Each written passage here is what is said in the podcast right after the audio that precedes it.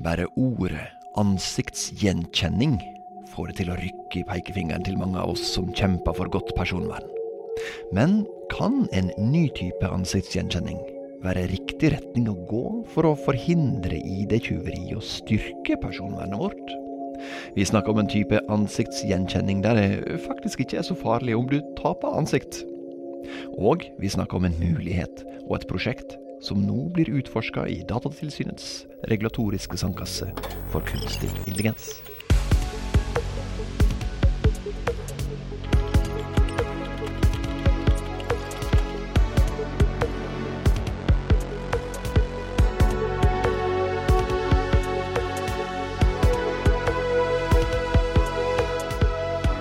Sandkasten, en podkast om det som skjer i Datatilsynets regulatoriske sandkasse.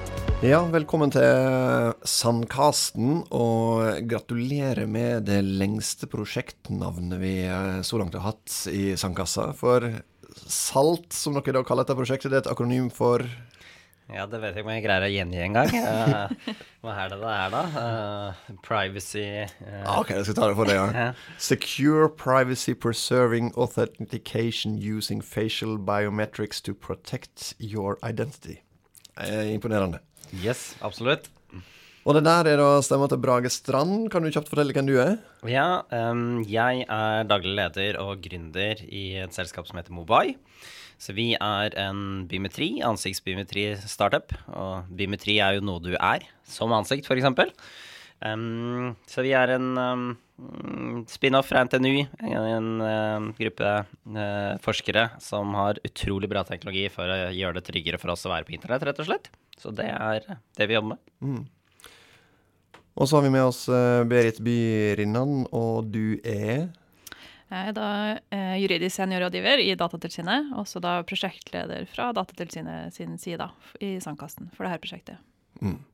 Og jeg heter Arlo Peim og jobber, med, jobber i Datatilsynets regulatoriske sandkasse for ansvarlig kunstig intelligens, og må selvfølgelig fortelle deg at poenget med denne her sandkassa er at Datatilsynet, sammen med eksterne prosjekt i front av den teknologiske utviklinga, skal utforske hva som er greit og ikke greit. Og vi skal kartlegge grensene i gråsonene, og vi skal vurdere lovligheten i teknologi, eller bruk av teknologi, som er så ny at det er lite eller ingen praksis å vise til. Så vi hjelper gründere med å sikre godt personvern helt ifra start, når de utvikler kunstig intelligens, og ikke minst, vi snakker høyt om vurderingene og konklusjonene, sånn at andre i lignende situasjoner òg kan lære av eh, det vi gjør. Um, Berit, la oss starte litt med det her eh, ordet ansiktsgjenkjenning, og hvorfor det får sånne som oss i Datatilsynet til å spisse ørene ekstra. Ja, det er jo litt det som eh, Brage allerede sa, det er noe vi er. Eh, og ansiktene våre er jo stort sett noe vi ikke får gjort så mye med. de er jo som de er, eh, og det gjelder jo eh, biometriske opplysninger generelt. Da. Det er personopplysninger om oss som er i stor grad uforanderlige. De er som de er. Så når vi gir dem ut, eller noen eh, behandler det, så, så er det ikke noe vi får endra på.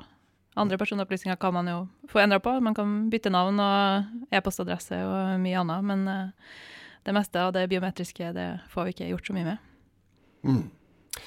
Um, så da er det jo eh, men si, Hva slags type Det finnes jo mange forskjellige typer ansiktsgjenkjenning. Hva er det slags eh, si, form for ansiktsgjenkjenning som vi er ekstra på vakt for? Uh, ja, det er jo Man kan jo tenke seg eh, ansiktsgjenkjenning på gata, eksempel, som man ser i enkelte andre land. At man eh, overvåker egentlig alle som beveger seg ut på eh, en eh, gate, eller ut i offentligheten, og kan gjenkjenne alle ut ifra det, da. Og da er man jo over i, i overvåking, rett og slett, av alle innbyggere. Det er jo klart problematisk fra vårt ståsted, da. Så da er det jo ekstra spennende om noen kan klare kunststykket å utvikle personvernvennlig ansiktsgjenkjenning. Brage, fortell oss hva det er dere tenker dere er i stand til å få til. Ja, og jeg, synes jo ofte, sant, når man tenker på biometri, så er det noe skummelt. Og det er nettopp som du sier, det er liksom, det blir assosiert med overvåkning og har kjempepotensial til å bli brukt feil. Eh, mens det som jeg tror fort litt glemmer, er at det også er et kjempepotensial for å beskytte identiteten vår. For dette er noe unikt med deg. Eh, så hvis man greier å bruke det på en måte som gjør at det ikke er noe risiko for at noen stjeler ansiktet ditt eller misbruker det i en annen kontekst, så gir det deg en unik evne til å si 'du er du'. Og det er kjempeviktig når man ser eh, enorm økning i svindelen relatert til bankkontoer som blir stjålet, svindlere som ringer og får folk til å gi fra seg passord, som er veldig lett å gi fra seg. Jeg tror én av fire amerikanere har opplevd at kontoene sine blir stjålet. Så en av de største liksom, konsekvensene for oss som individ er jo hvis noen stjeler bank-ID-en vår. Um, og der har det ansiktsbiometri en unik mulighet til å kunne Yes, dette er faktisk Brage som bruker bank-ID-en, eller bruker bankkontoen, da. Og det er også derfor vi, vi jobber jo tett med i dette prosjektet sammen med BankID og Sparebank1, som er jo kjempeinteressert om vi greier vi nettopp å få til denne eh, teknologien, sånn at vi kan gjøre dette på en personvernvennlig, trygg måte. Men, men, kan du da Det dere utvikler, da. Ja. Hvordan, hvordan funker det? Så, så, så helt konkret, hvis du tar vanlig, vanlig ansiktsgjenkjenning, så er det um, Behandler man et bilde, og så ser man egentlig på om det er, en, en, en, er det samme person. Uh, og så kan man gjøre det for å søke etter en person. Da er du på en måte i den overvåkningsspacet. Mens det vi rett og slett lager, er et spesifikt system som er kun egna for jeg, Brage, ønsker å logge på, bevise at jeg er Brage. Uh, og det er kun det jeg får, til å gjøre.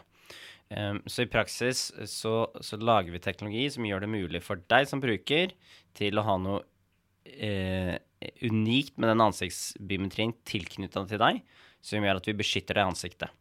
Uh, og det er litt teknisk, da, men, men, men vi, vi, Og det er også grunnen til at prosjektet heter Salt. For vi er inspirert av egentlig tradisjonell hashing og krypteringsteknologi som man bruker for tradisjonelle ting.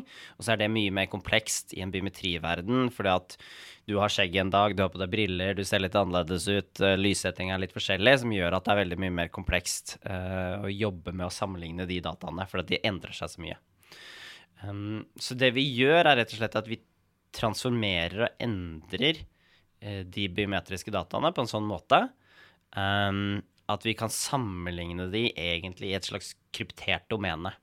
Um, så det betyr også da at jeg faktisk kan registrere ansiktet mitt ett sted, og så kan jeg registrere ansiktet mitt et annet sted, og så synes ikke det at det er samme ansikt på tvers.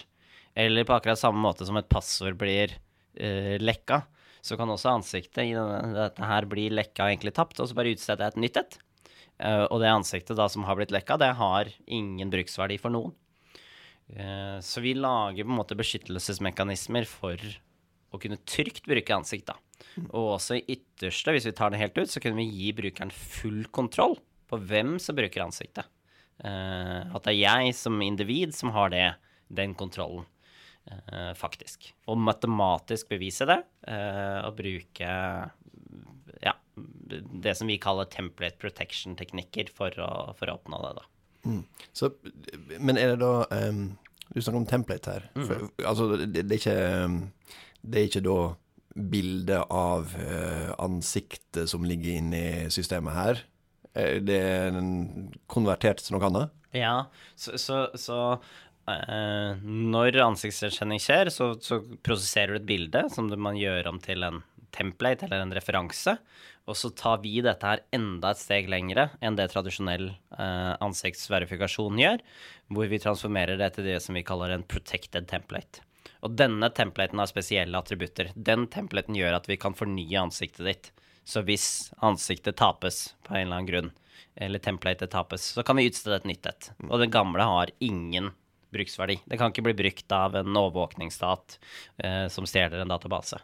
Um, men vi, så, ok, du snakker om eh, bank, her. Ja. Eh, ok, hvis det her blir da eh, Hvis dere får til det her, hvordan vil det i praksis funke for en bankkunde?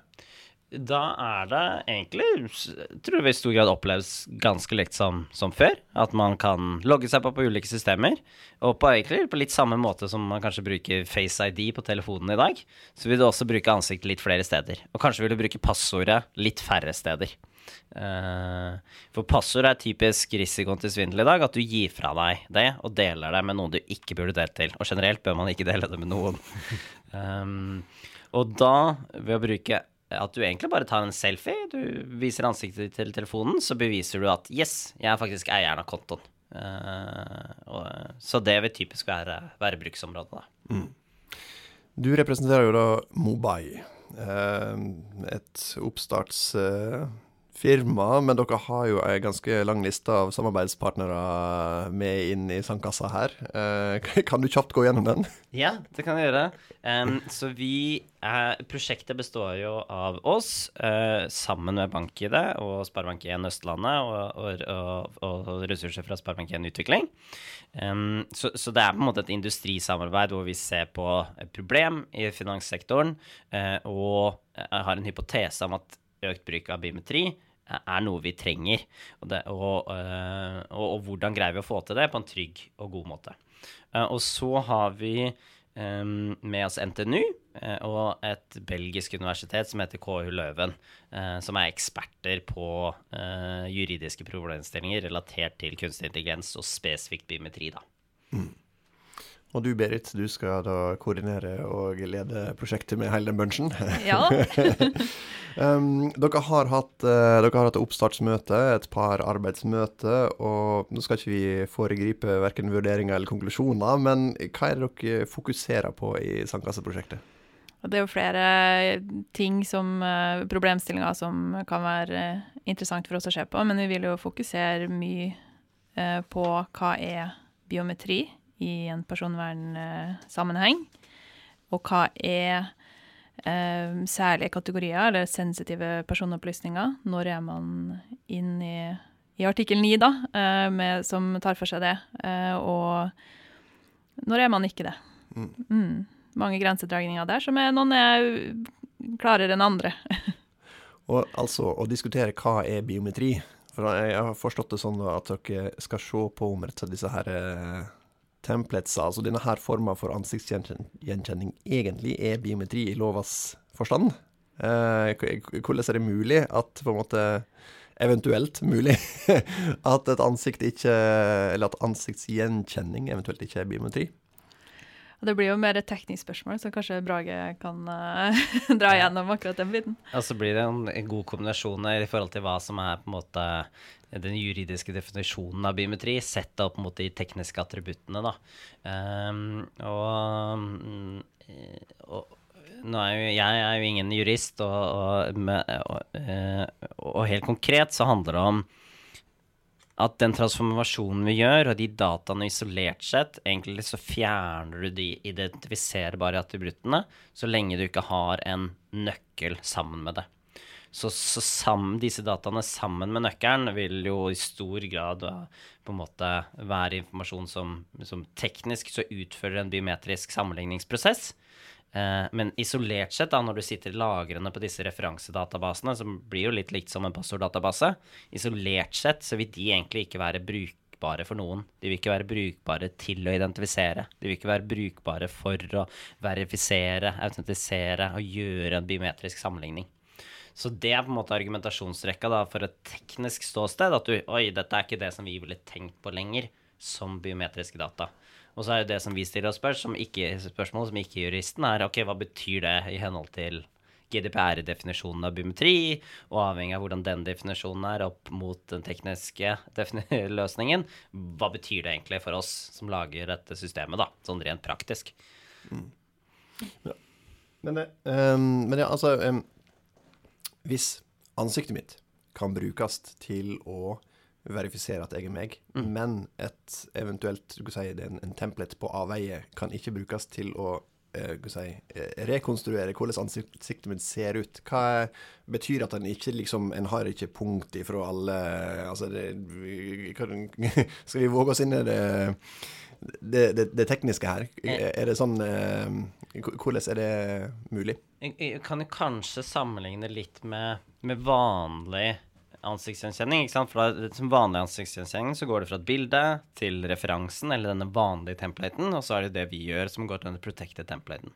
Og Hvis du har den vanlige templaten, den vanlige referansen, så kan du faktisk rekonstruere bildet til en viss grad. Så da har du faktisk informasjon som gjør som kan bli plutta inn i, i et overvåkningssystem, f.eks. Og så er det den transformasjonen vi gjør, som egentlig er en mer eh, krypteringsteknikker, og vi bruker noe som heter homomorphic encryption for å kunne gjøre sammenligninger i det krypterte domenet. Eh, og da er det den eh, egentlig robustheten i homomorphic encryption og den krypteringsteknikkene som, som, som gjør at det er en, en, en, en ikke-reverserbar funksjon, da. Um, i, i, praksis. Men da er du ganske nede i grøten på, på ganske heftig teknologi. Ja. Um, det er jo spennende med det, si, eh, ansiktsgjenkjenning, eller biometri, mm. um, i det hele tatt. Og liksom, eh, hva er det ved oss som er mest unikt og minst unikt? Og, og sånn, altså Fingeravtrykk er veldig unike. Så, så hører vi jo sånn, altså Vi har jo ansiktsgjenkjenning mange av oss på telefonen sant, for å skjerme skjermlås og sånn. Ja. så mange historier om eh, barn som har klart å åpne telefonen eller nettbrettet til, til foreldrene. Eh, og da, sånn, altså, sånn, hvor unikt er egentlig et eh, ansikt i en ansiktsgjenkjenningssammenheng? Ja. Um, før jeg hopper rett inn i svaret på den, så tror jeg lyst til å kommentere på liksom forskjellen med hva vi ønsker å oppnå mot FaceID. Eh, for det som vi ønsker å gjøre, er jo å bruke dine fysiske attributter for å faktisk bevise hvem du er. Men når du bruker FaceID, så, så er egentlig det bare et bevis på at du har tilgang til passordet på et eller annet tidspunkt. Så jeg kunne ha eh, logga inn på min hackertelefon med mitt ansikt tilknytta din bankkonto, f.eks., for, eksempel, for at jeg fikk passordet ditt én gang. Så det er jo på en måte en viktig forskjell med forskjellige typer ansiktsgjenkjenning, at man oppnår ulike ting, da. Fra overvåkningssystemet som skal finne en terrorist, kanskje, til uh, Face ID, uh, som er å åpne telefonen enklest mulig, til det vi ønsker å, å åpne som på en måte trygg pålogging, uh, for å bevise at du er faktisk kontoeieren. Um, og så har du da liksom, kan du bruke masse ulike biometri, som du sier, til å gjøre disse tingene. Og ansiktsgjenkjenning, det er ganske nøyaktig. Um, så vi mennesker, hvis vi skal gjenkjenne ansikter, så er vi kanskje feilrate på 30-40% så, så ganske høy feilrate. Um, mens maskiner uh, og kunstig intelligens har feilrate på ja, 1 til over 1 million. Uh, den størrelsesorden, på en måte, i, i de orden. Så veldig, uh, veldig, veldig nøyaktig. Så kanskje den største utfordringen med ansiktsgjenkjenning, hvor andre biometriske faktorer har fordeler, det er jo sånn som tvillinger, f.eks., eller veldig nære slektninger. Eh, så f.eks. fingeravtrykk og iris, der har du mer tilfeldige prosesser. Så, så, der har du større sannsynlighet for å skille på tvillinger. Særlig iris, f.eks. Så, så vil da ha bedre forutsetninger for å kunne skille på ja, enegga tvillinger, da. Mm. Um, så så hvis du har en ond tvilling, så anbefaler du iris i stedet for ansiktsgjenkjenning? Ja. ja. Uh, og det kan hende at vi bør ha ond tvilling-funksjonen i systemet, så faktisk kan man si ifra at man har en ond tvilling. Uh, um, og så jo, har du jo helt andre biometriske faktorer. Liksom måten du går på, måten du skriver, det er på en måte også eh, biometriske attributter da, som er med på å egentlig identifisere hvem, hvem du er. Og da får du typisk nøyakt... Eller signatur, f.eks. Nøyaktigheten mye lavere. Men, men, også en biometrisk eh, attributt, da. Ja, Berit, hvordan vil det være for ja, eh, hvordan vil det være for eh, Datatilsynet og personvern, oss som er opptatt av personvern, om en klarer å revolusjonere eh, sikkerheten og ja, det her i biometri? Jeg tenker jo det er veldig spennende. Eh, og det er jo litt det som er så spennende med det prosjektet her, er jo den muligheten til å se om det finnes enda mer eh, personvernvennlige måter å gjøre det på, og også at det er et prosjekt med eh, ganske mange aktører. Mange eh, innfallsvinkler til den problemstillinga, som også gjør det veldig spennende. Eh, og det er jo også viktig for oss å være med i et tidlig stadie, så vi kan også få avklart en del juridiske ting og, og passe på at eh, personvernet er ivaretatt eh, fra start. da.